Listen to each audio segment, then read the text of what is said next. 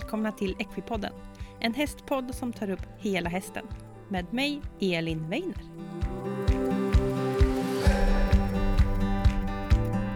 Hej alla fantastiska Equipodden-lyssnare och välkomna tillbaka till ett eh, rykande färskt avsnitt av Equipodden.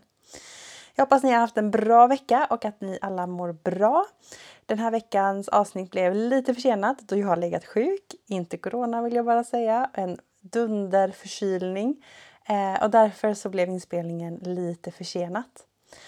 Och eh, idag är det så att jag tänkte prata om någonting som ligger mig väldigt varmt om hjärtat och också någonting som är väldigt ofta efterfrågat. Och eh, jag har spelat in några sådana här avsnitt innan och de är oftast väldigt populära så att eh, ja, jag tänkte vi kör ett till. Och eh, temat idag det är tömkörning. Och eh, eftersom att det är jag som tänkte prata det mesta så sitter jag själv och spelar in det här. Så att eh, jag hoppas inte ni tycker det är allt för tråkigt att bara lyssna på mig hela det avsnittet. Jag vet att det blir trevligare interaktion när man är två. Och eh, jag jobbar på att eh, kanske få till någon som vi kan prata med eh, till nästa gång jag ska spela in tömkörningsavsnitt. Eh, så jag hoppas att det blir ett bra flow dit. Men den här gången då får man stå ut med att bara lyssna på mig i en stund i alla fall. Och eh, det roliga är att det kom in så sjukt mycket lyssnarfrågor. För jag kände sådär, eh, det finns redan eh, tre stycken tidigare tömkörningsavsnitt. Eh, två stycken som är lite äldre som eh, är liksom lite basgrund och sen ett som jag gjorde för ett år sedan ungefär. Som eh, är lite eh, liksom ett steg framåt kanske. Och eh, då kände jag så här, vad tusan ska jag prata om den här gången? Och eh, jag kände så här, jag vände mig till mina fantastiska lyssnare och det gjorde jag rätt i för det kommit in jättemycket frågor. Eh, lite saker kommer säkerligen vara repetition för några. Då får man spola lite om man tycker att det är tråkigt. Men eh, jag ska hinna med de flesta frågor hoppas jag. Jag kommer inte hinna med alla för det kom in så många frågor så det kommer inte gå. Jag har försökt att baka ihop några frågor för det var många som frågade om samma. Ja, så jag hoppas att det blir ett intressant avsnitt för alla. Jag kommer gå in på lite grund, jag kommer gå in på eh, liksom, lite problem man möter, jag kommer gå in på eh, lite kanske nästa steg eh, och så vidare. Eh, så att jag hoppas att det blir en bra bredd. Men eh, jag tänkte jag skulle börja med grunden, för det var ganska många som frågade om vad är grunden i tömkörning? Eller ville att jag skulle prata om grunden och eh, tips för någon som är eh, helt nybörjare. Och Eh, när jag läste de frågorna hade jag lite svårt att känna vad vill man att jag ska prata om. Men jag landade lite i att jag ska börja prata om ryttaren. För jag tror resten av avsnittet kommer handla väldigt mycket om hästen. Eh, vad hästen gör och hur vi påverkar hästen. Så då tänkte jag den allra första grunden handlar om sig själv. Och eh, när jag lär ut tömkörning och när jag har kurser eller helt nybörjare då får man börja med en ganska enkel, enkel tömsättning och så handlar det jättemycket om den som kör. För att när man själv hittar rytmen, då kan man jobba med hästen sen. Om man själv inte eh, har grunden, då är det svårt att gå vidare på nästa steg.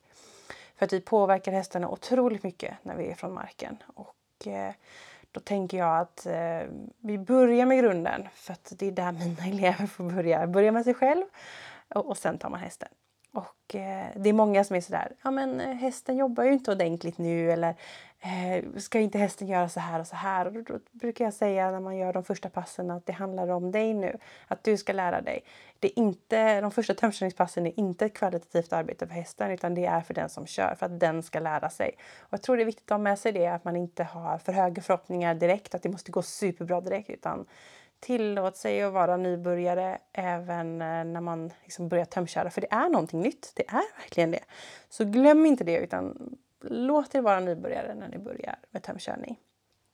Men vad ska man göra då? Vad är egentligen grunden? Jo, eh, jag brukar börja prata om säkerhet och det kan jag inte prata nog om. Eh, när man tömkör så ska man ha hjälm, man ska ha bra skor och man ska ha handskar på sig och kläder efter väder. Det kanske inte är jättehärligt att köra i t-shirt om det ösregnar i 30 minus till exempel.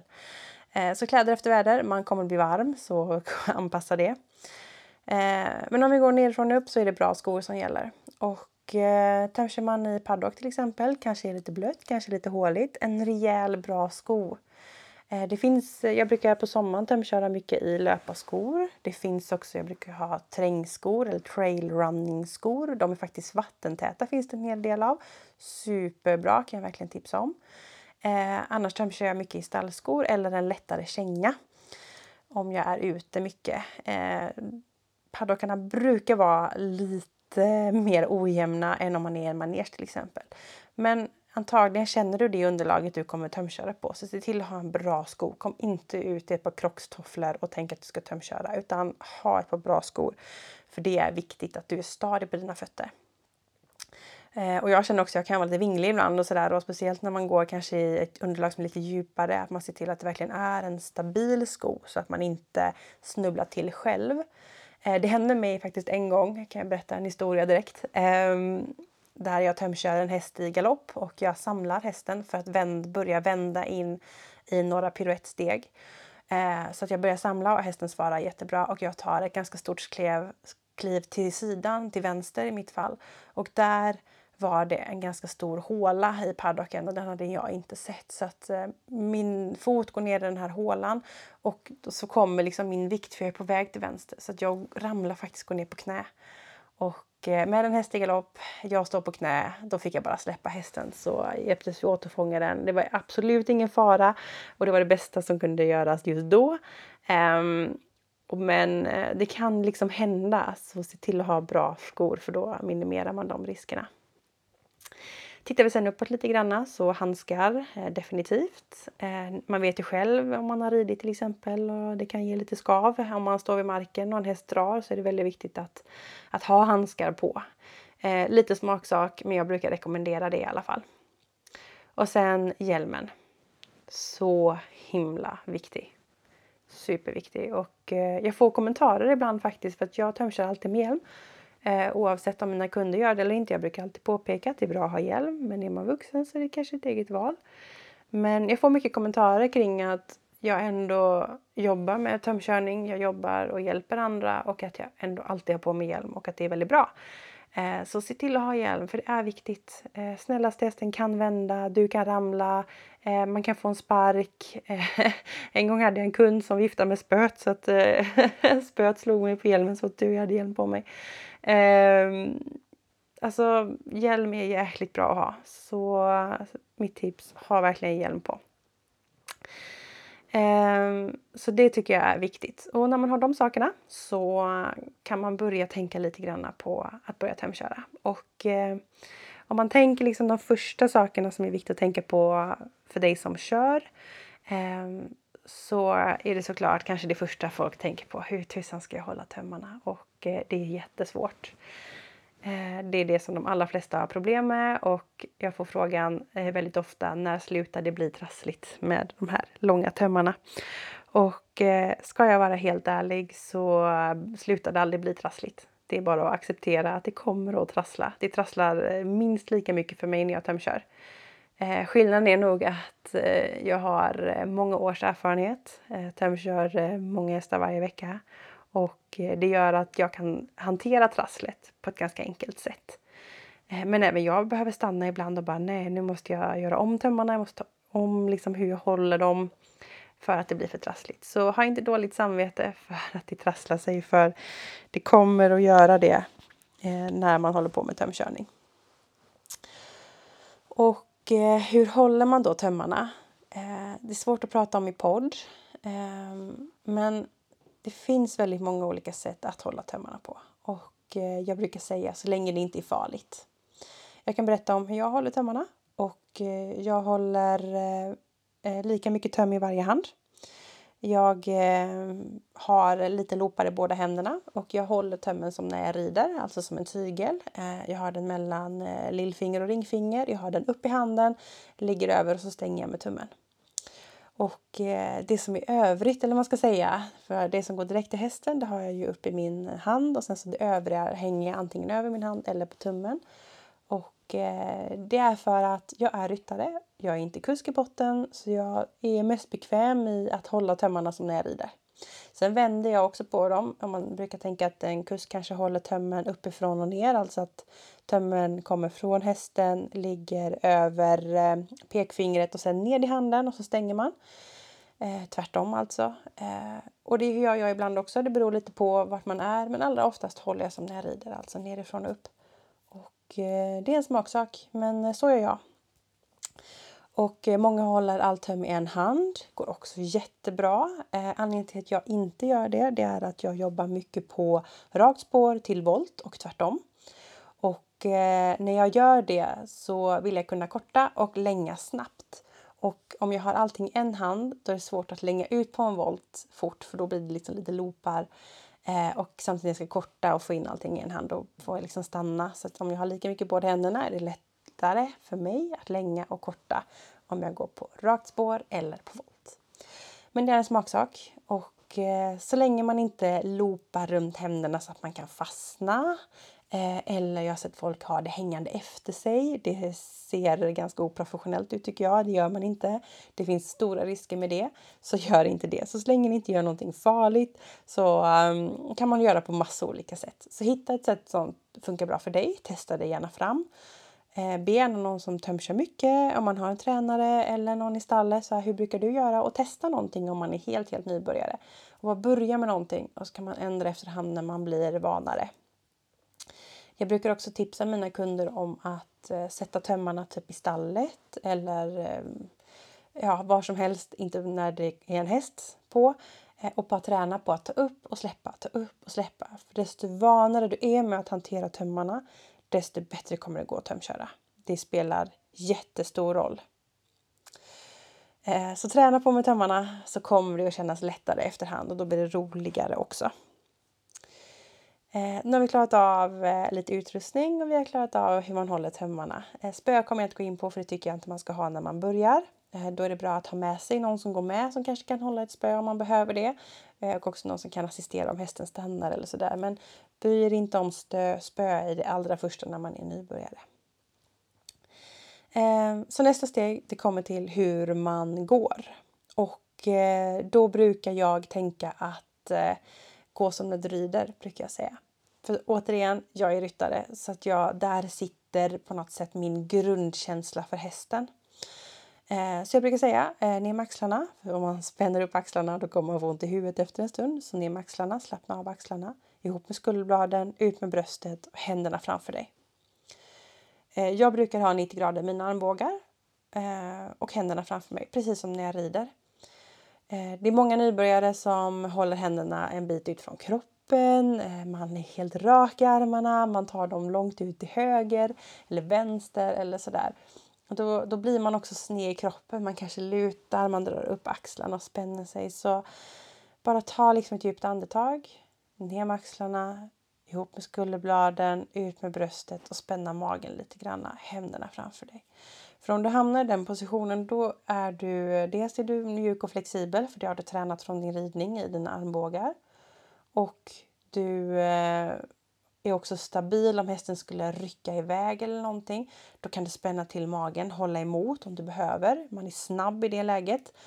Och du har också liksom en, en bra känsla eh, tror jag. Så det är min rekommendation att börja med. Sen när man väl ska börja så brukar jag rekommendera att man börjar med enkla övningar. Man sätter en enkel tömsättning, kanske bara rakt igenom jorden och översta ringarna till bettet. Eh, och så handlar det väldigt mycket om att hänga med hästen.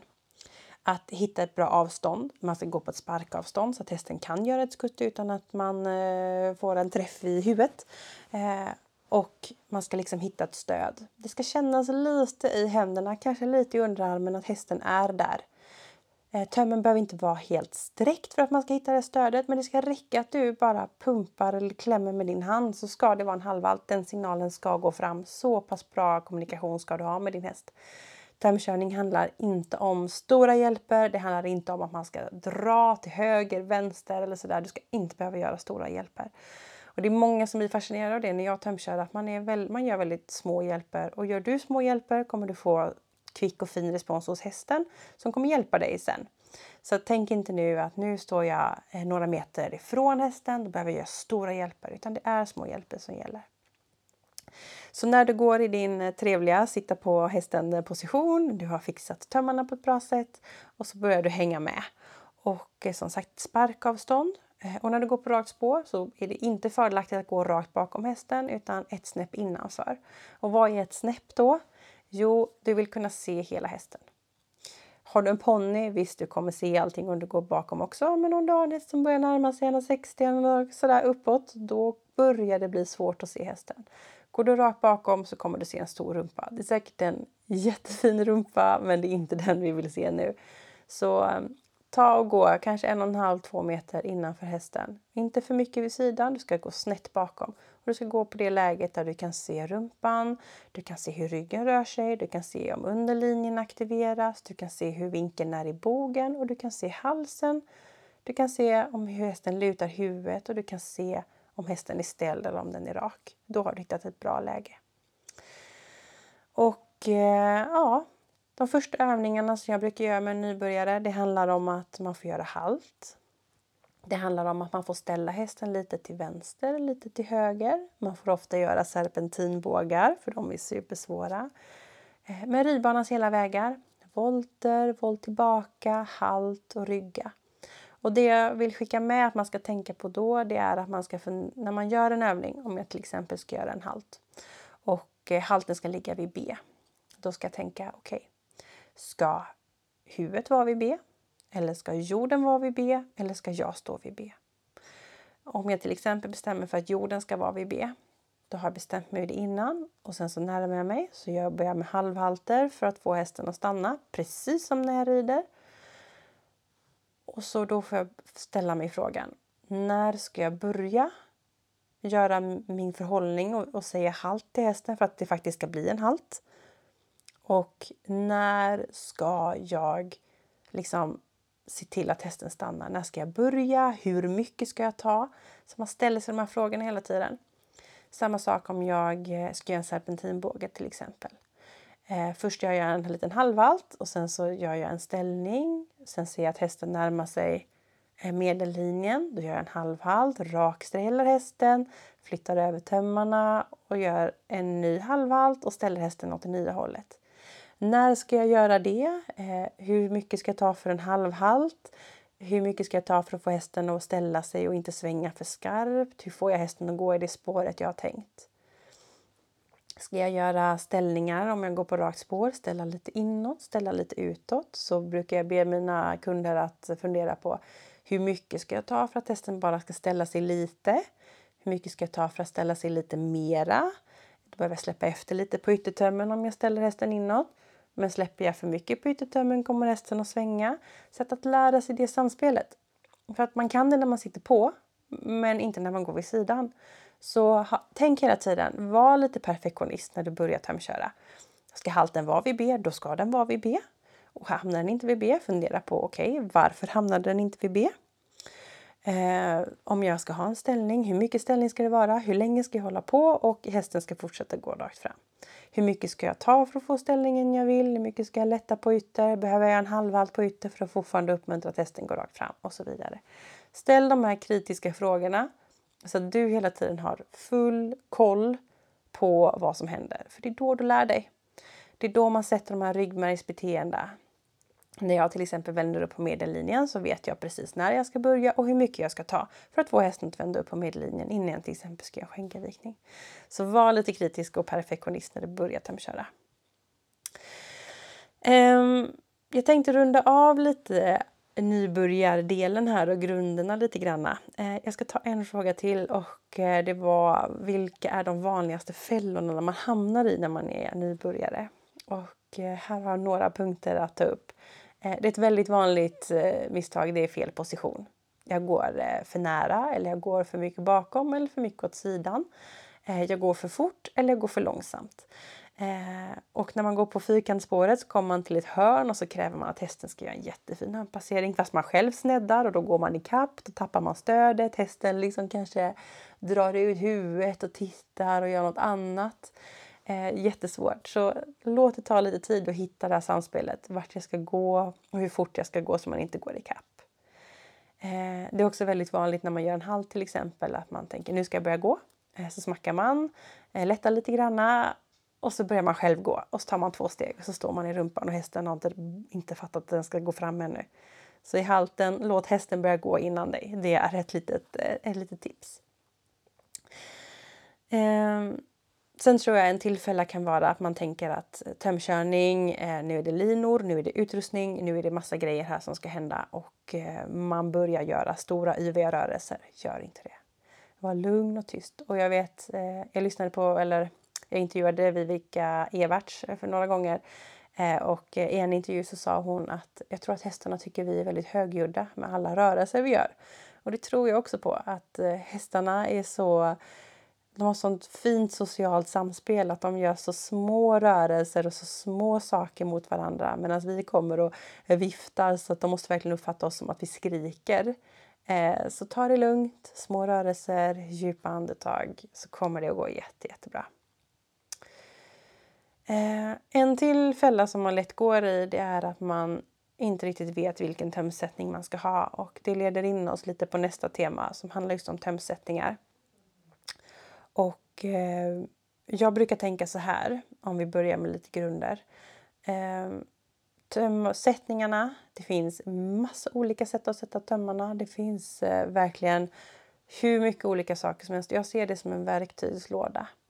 När jag sitter på hästen så har jag två händer och två fötter att jobba med. Eh, och här, där har jag massa olika verktyg. Eh, när jag tömkör har jag inga fötter men jag har eh, två händer att jobba med. Och där måste jag ha mer verktygslåda än vad jag bara har händerna jag sitter på. Så där kan jag använda tömsättningen för att nå olika problem och för att hjälpa hästen på olika sätt. Eh, däremot så får jag många frågor. Hur spänner man in hästen när jag tömkör? Eller hur sätter jag inspänningar när jag tömkör?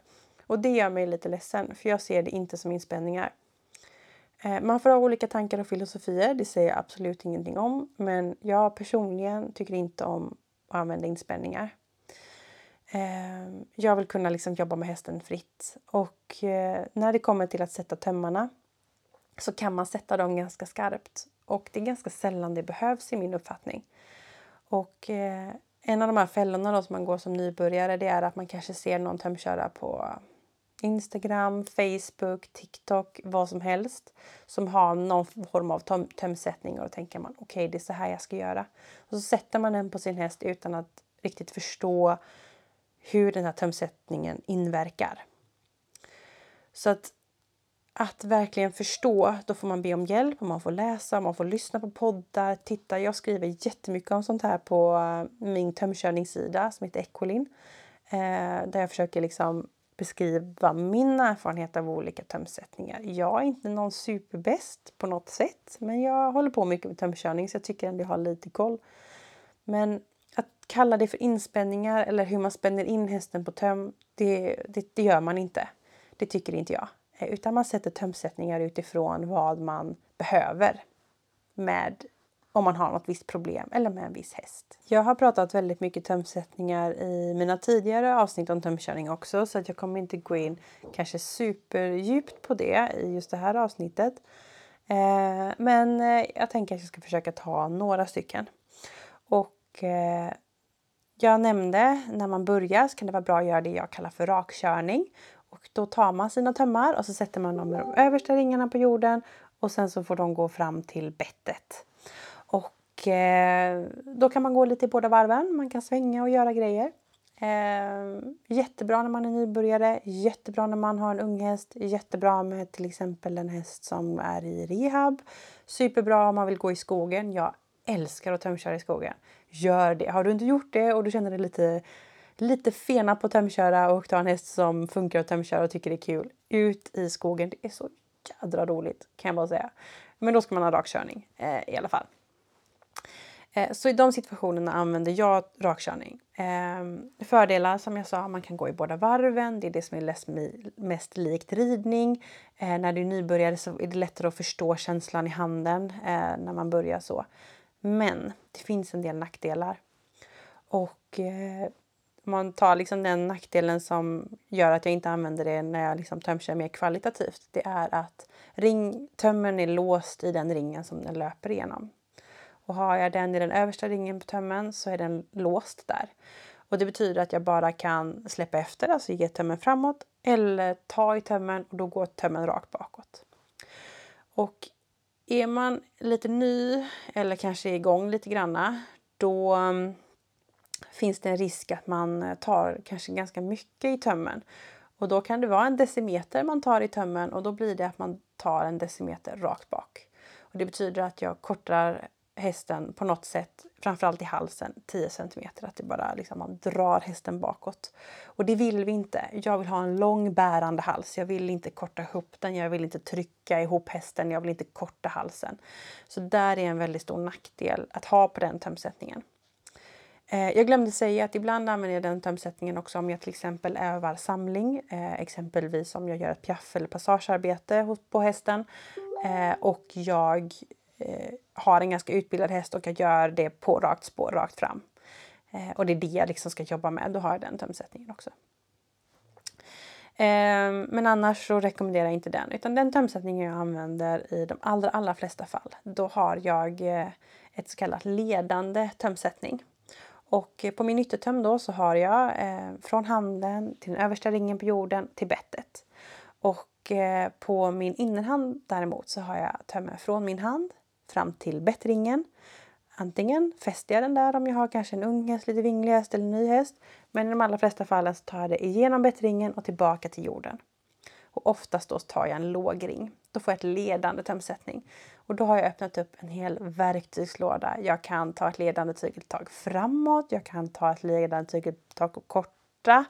Eh, och jag, kan, jag behöver inte ta handen bakåt. Det tycker jag tänka snett framåt hela tiden.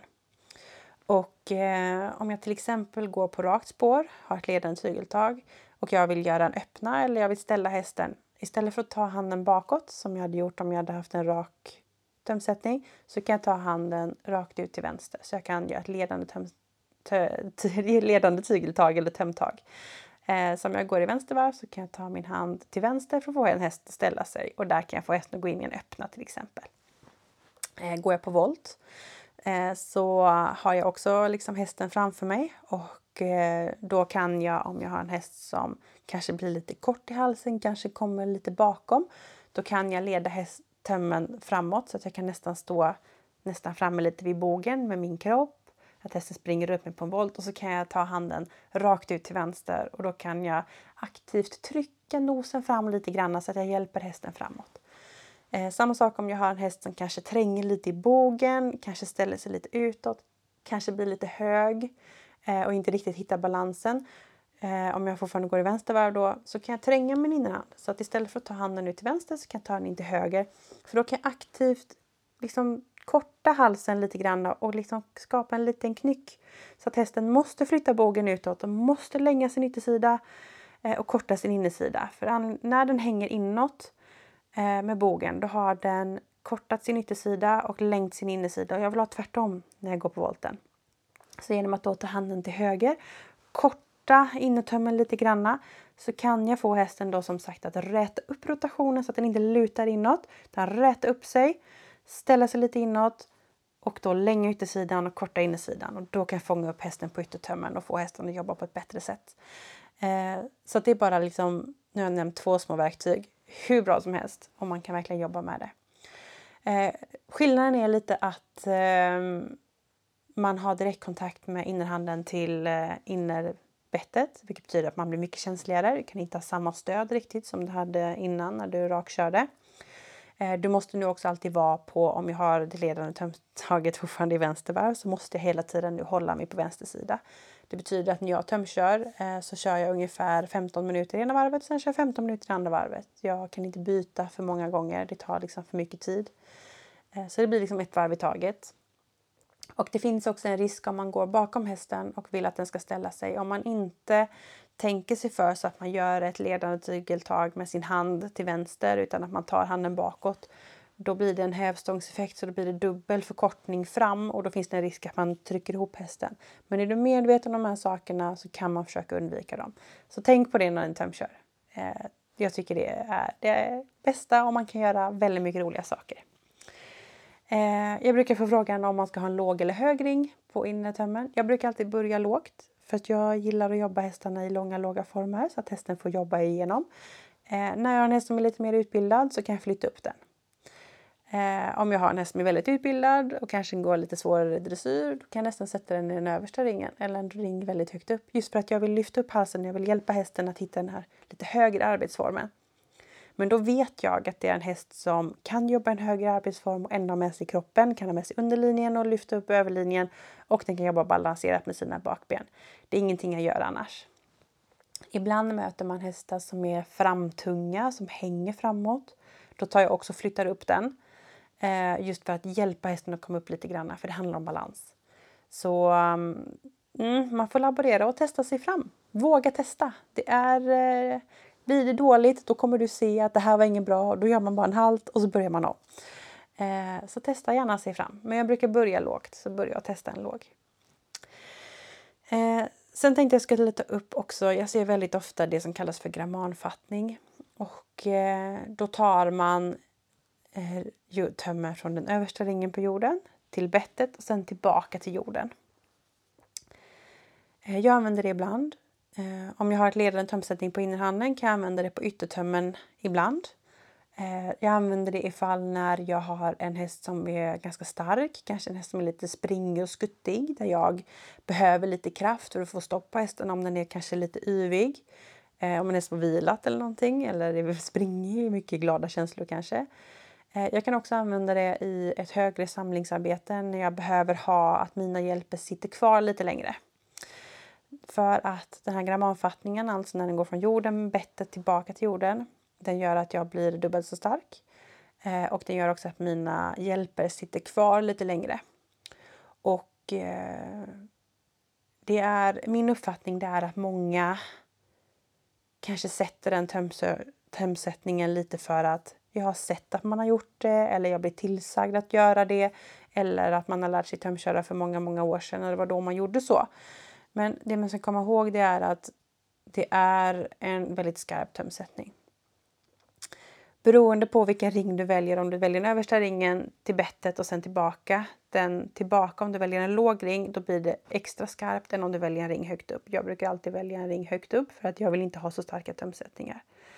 Och jag gör det bara i de fall jag verkligen behöver. Det är ingenting jag börjar med och det är ingenting jag sätter på alla hästar. Men ibland ser man tyvärr att många använder den bara för att. Och det är också lite så här, det är då vi börjar komma in på det här med att spänna in hästen. Eh, kanske är det så att man tycker att hästen går inte så, så bra. Man kanske vill att den ska gå i en snyggare form. Man vill att hästen ska kröka på nacken bättre eh, och vet kanske inte riktigt varför hästen inte jobbar. Och då sätter man en dubbeltömsättning.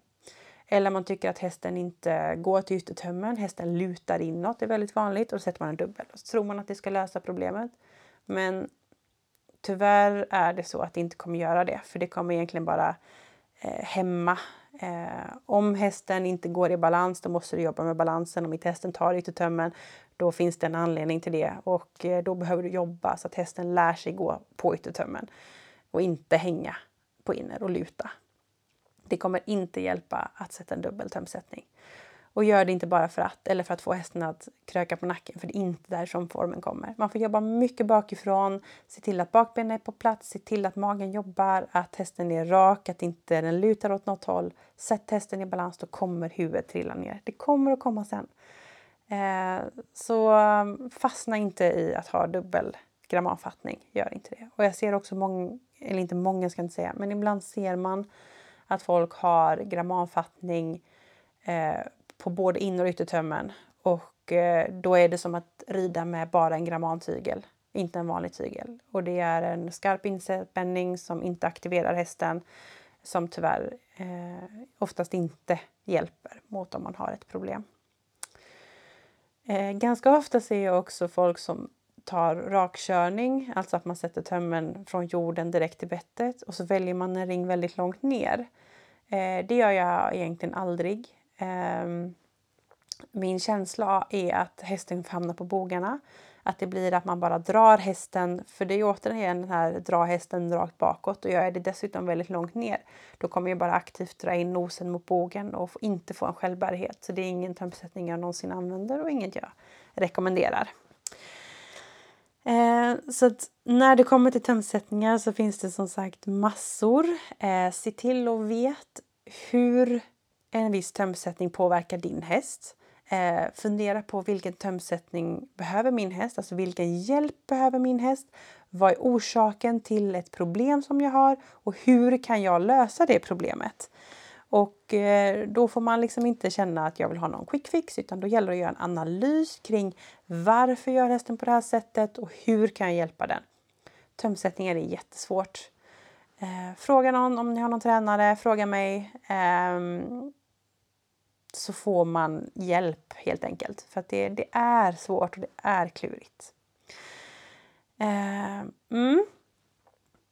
Med det så tänkte jag lämna. Jag pratar mycket mer om tömsättningar i mina andra tömkörningsavsnitt. Så lyssna på det och hör av er om ni har några frågor. Men eh, vi går vidare. Jag känner att jag kommer inte hinna alla frågor som jag hade tänkt.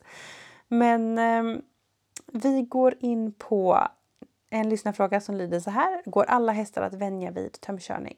Och här vill jag säga ja. Alla hästar går att vänja. Det gäller bara att göra det på ett bra sätt. Jag fick några frågor om eh, häst som är bakskygg, eh, häst som tycker att det är läskigt när man rör tömmarna. Hur ska man börja? Och ehm, jag tänker att de frågorna går lite ihop så att eh, vi stannar upp lite där. Om man ska ge sig an att tömköra en häst som aldrig är tömkörd, då är det bra att antingen ha hjälp, att du inte är själv, eller att man har lite koll, att man har tömkört en del innan. Två nybörjare brukar aldrig bli så himla bra om man inte har någon hjälp överhuvudtaget. Så, ehm, och lägger man till en aspekt att hästen är också svår, då gäller det att man har koll. Så ehm, mm, om jag möter en häst som är bakskygg eller en ung häst kan det vara som har problem, hur börjar jag då? Eh, då brukar jag sätta rakkörning. Jag brukar sätta tömmarna eh, rakt igenom jorden, i de översta ringarna fram till bettet och likadant för att jag ska kunna flytta mig och parera utifrån vad hästen gör. Och eh, sen ber jag ägaren leda. Och eh, jag brukar börja med att hästen står still och ägaren står fram och klappar lite. Så pratar vi en stund. Eh, jag, jag pratar lite och säger nu är jag här och ser vad hästen gör för mig. Sen har jag tömmarna eh, som jag lägger då på hästens rumpa. Och eh, går jag på vänster sida av hästen så ligger tömmarna på vänster sida av rumpan. Går jag på höger sida av hästen så ska tömmarna ligga där. Och eh, om det går bra när jag står still och har tömmarna där eh, så kan jag flytta dem lite granna. Eh, och börjar hästen tveka då så börjar man om. Eh, ta det försiktigt. Men om jag kan ha tömmarna på rumpan så kan jag börja gå. Och först så kommer jag inte göra någonting. Tömmarna hänger fritt långa tömmar. Jag gör ingenting. Jag bara hänger med. Och så pratar jag lite. Så att hästen fattar att det är ändå någon där bak och, och den verkar som att den ändå liksom eh, ska göra någonting. Så att hästen fattar att hmm, någonting händer här. Eh, sen kan jag hålla tömmarna och är det så att ibland kan hästarna börja skygga där. Eh, om den känner tömmen så kommer hästen börja skygga. Och får hästen panik då går jag snabbt upp vid sidan. Eh, så att tömmarna går alltså inte mot rumpan utan den ligger från jorden och sen så jag står 90 grader från sidan så att tömmarna inte nuddar hästen. Om hästen får panik så går jag upp vid sidan. Jag behöver inte gå nära hästen för att jag har ju en som leder hästen så jag kan fortfarande hålla liksom, mina meter bakom. Men om hästen blir spänd när den känner att tömmarna är på rumpan, då går jag upp vid sidan så att tömmarna inte nuddar rumpan. Och så går vi något varv, pratar lite till. Och sen är det väldigt viktigt med kommunikation. Jag kan säga till den som leder hästen att nu kommer jag börja gå mot hästens rumpa och så börjar jag gå försiktigt.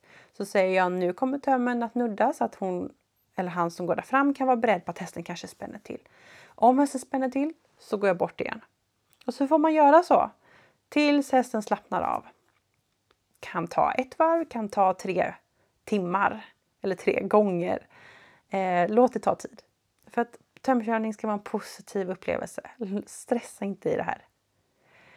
Eh, men när jag kan gå bakom hästen och jag kan ha tömmarna på rumpan och hästen är avslappnad. Eh, då börjar jag flytta tömmarna lite granna, lite på båda sidorna, pratar samtidigt. Och när det funkar, då börjar jag söka kontakt.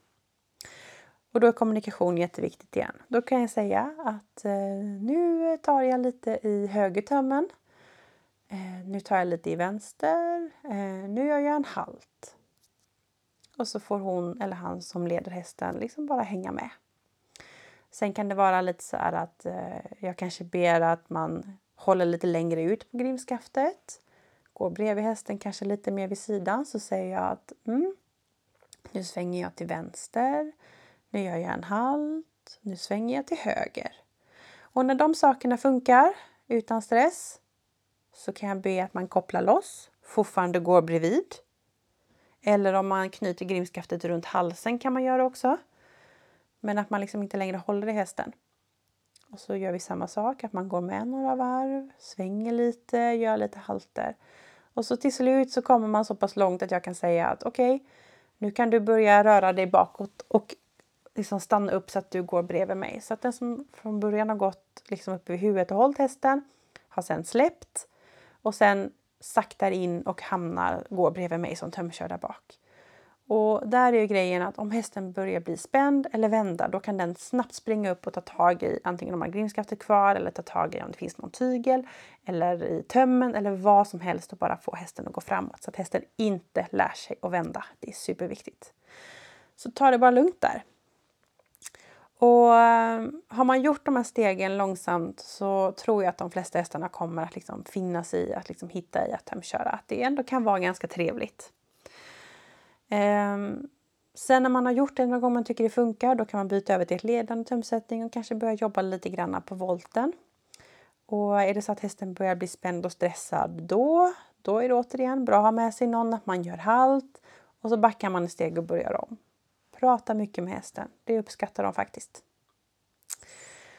Eh, det har också kommit in en lyssnarfråga som handlar om om en häst börjar vända, skutta och busa. Och eh, jag tänker att jag tar den samtidigt här och jag kommer dela upp det lite grann.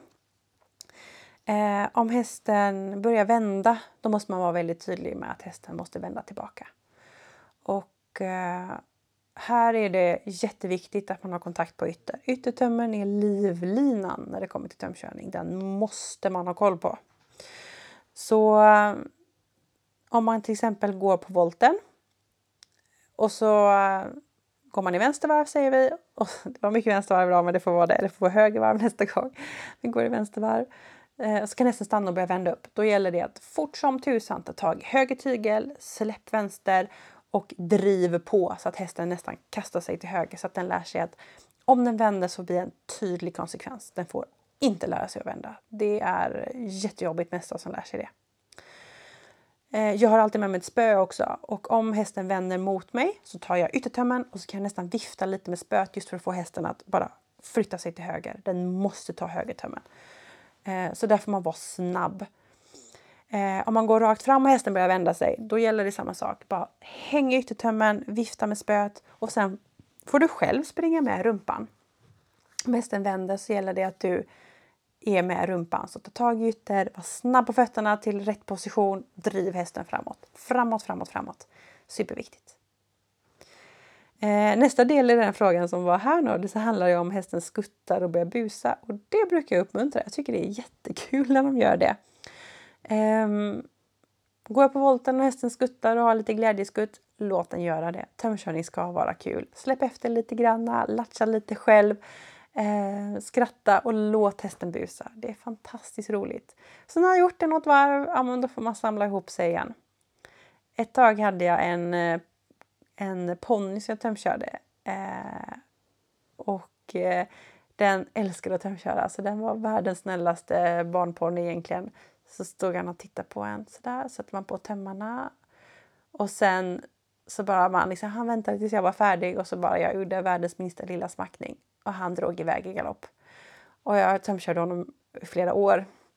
Och jag började med att nej vi ska skritta först. Jag försökte stanna och stanna och han bara, åh så spänd, så spänd, spänd. Tills han fick springa och galoppera. Och i slutet insåg jag att nej, han behöver få busa av sig. Han fick liksom sån glädjerus i att få bli tömkörd. Så han, eh, jag fick alltid ta en galopp. Det var bara okej, okay, då släpper vi lite granna och så tog han två, tre varv på volten i galopp, skutta och bocka lite grann. Sen stannade han och bara nu jobbar vi. Så lyssna på hästarna och lite skutt och bock, ingen fara. Eh, så länge du har koll och inte känner dig orolig så tycker jag man kan låta hästarna skutta och busa lite granna. Till det här avsnittet har det som sagt kommit in en hel del frågor och eh, jag känner nu att jag kommer inte hinna alla så att jag kommer ganska snart göra ett nytt tömkörningsavsnitt med fler frågor. Eh, men jag tänkte att jag skulle runda av den här veckans avsnitt med en eh, liten sista fråga som jag tyckte var väldigt roligt och eh, då var det lite tips till en som ska börja tömköra och det vi pratat lite om. Men det intressanta är att den här personen frågar också om eh, mentala bitar och jag fick en annan lyssnarfråga som var, eller det var mer ett statement sådär, att jag skulle ta upp att det är inte så farligt att tömköra. Och eh, det vill jag stanna upp vid lite grann. För att jag vet att tömkörning kan vara läskigt. Jag vet att det kan kännas obehagligt att inte ha kontrollen, att stå några meter åt sidan, att hantera de här tömmarna på 14 meter och vissa 16 meter. Eh, hästarna kan bli stora, de kan få lite glädjeskutt och energi och det är mycket som kan hända. Eh, tömkörning är ett fantastiskt verktyg och eh, jag märker att hästar som får gå på tömmen Många hästar kanske jag jobbar med en gång i månaden och det räcker. Det ger enorma effekter och jättestora skillnader eh, hos hästarna. Det är, det är så häftigt att se, ni anar inte. Eh, så att, att ha tömkörning med i sitt träningsupplägg, det är fantastiskt. Och alla hästar kan lära sig att tömköra. Alla personer kan lära sig att tömköra. Bara man accepterar att man får vara nybörjare i början. Så tömköra är inte så farligt utan det är någonting som är väldigt bra. Så våga ta steget och våga börja testa.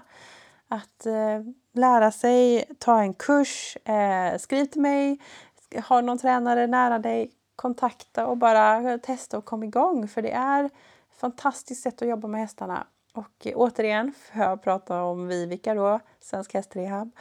Eh, hon berättade en studie för mig som jag själv inte har läst men jag får eh, paracitera henne. Att ehm, eh, hästägare som jobbar sina hästar från marken har en mycket bättre relation än om de som bara rider. Så att bara där är ju en anledning till att jobba hästen från marken. Så eh, våga testa. Och när det kommer till den mentala biten här som den här personen frågade efter så försök bara hålla lugnet. Eh, allting kommer ordna sig. Ibland kan man se att hästarna är frustrerade, att det händer grejer, att de är helt uppe i det blå. Då brukar jag ta ett djupt andetag. Och så tänker jag så här. Det ordnar sig om en liten stund.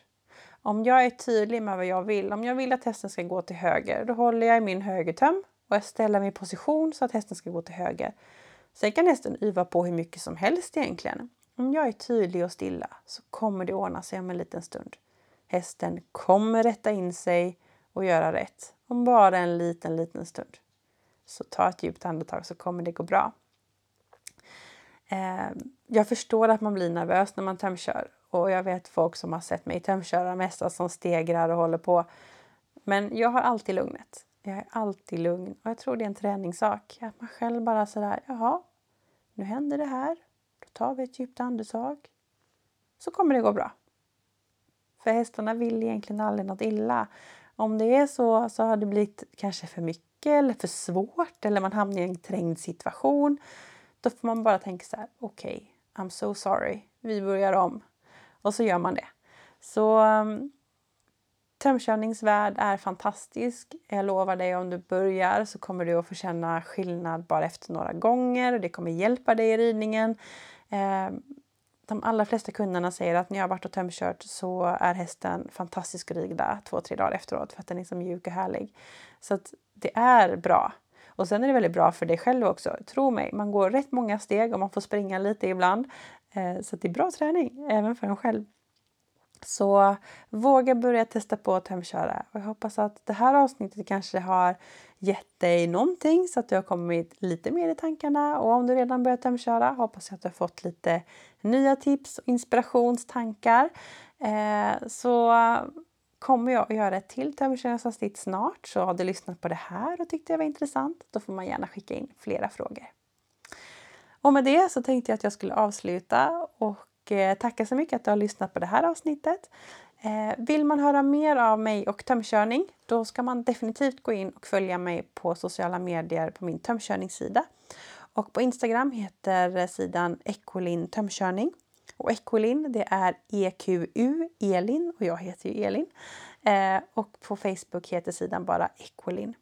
Och där lägger jag upp och där kan man också kontakta mig eh, om man vill ha hjälp eller eh, om man vill ställa frågor. Så får man jättegärna kontakta mig där.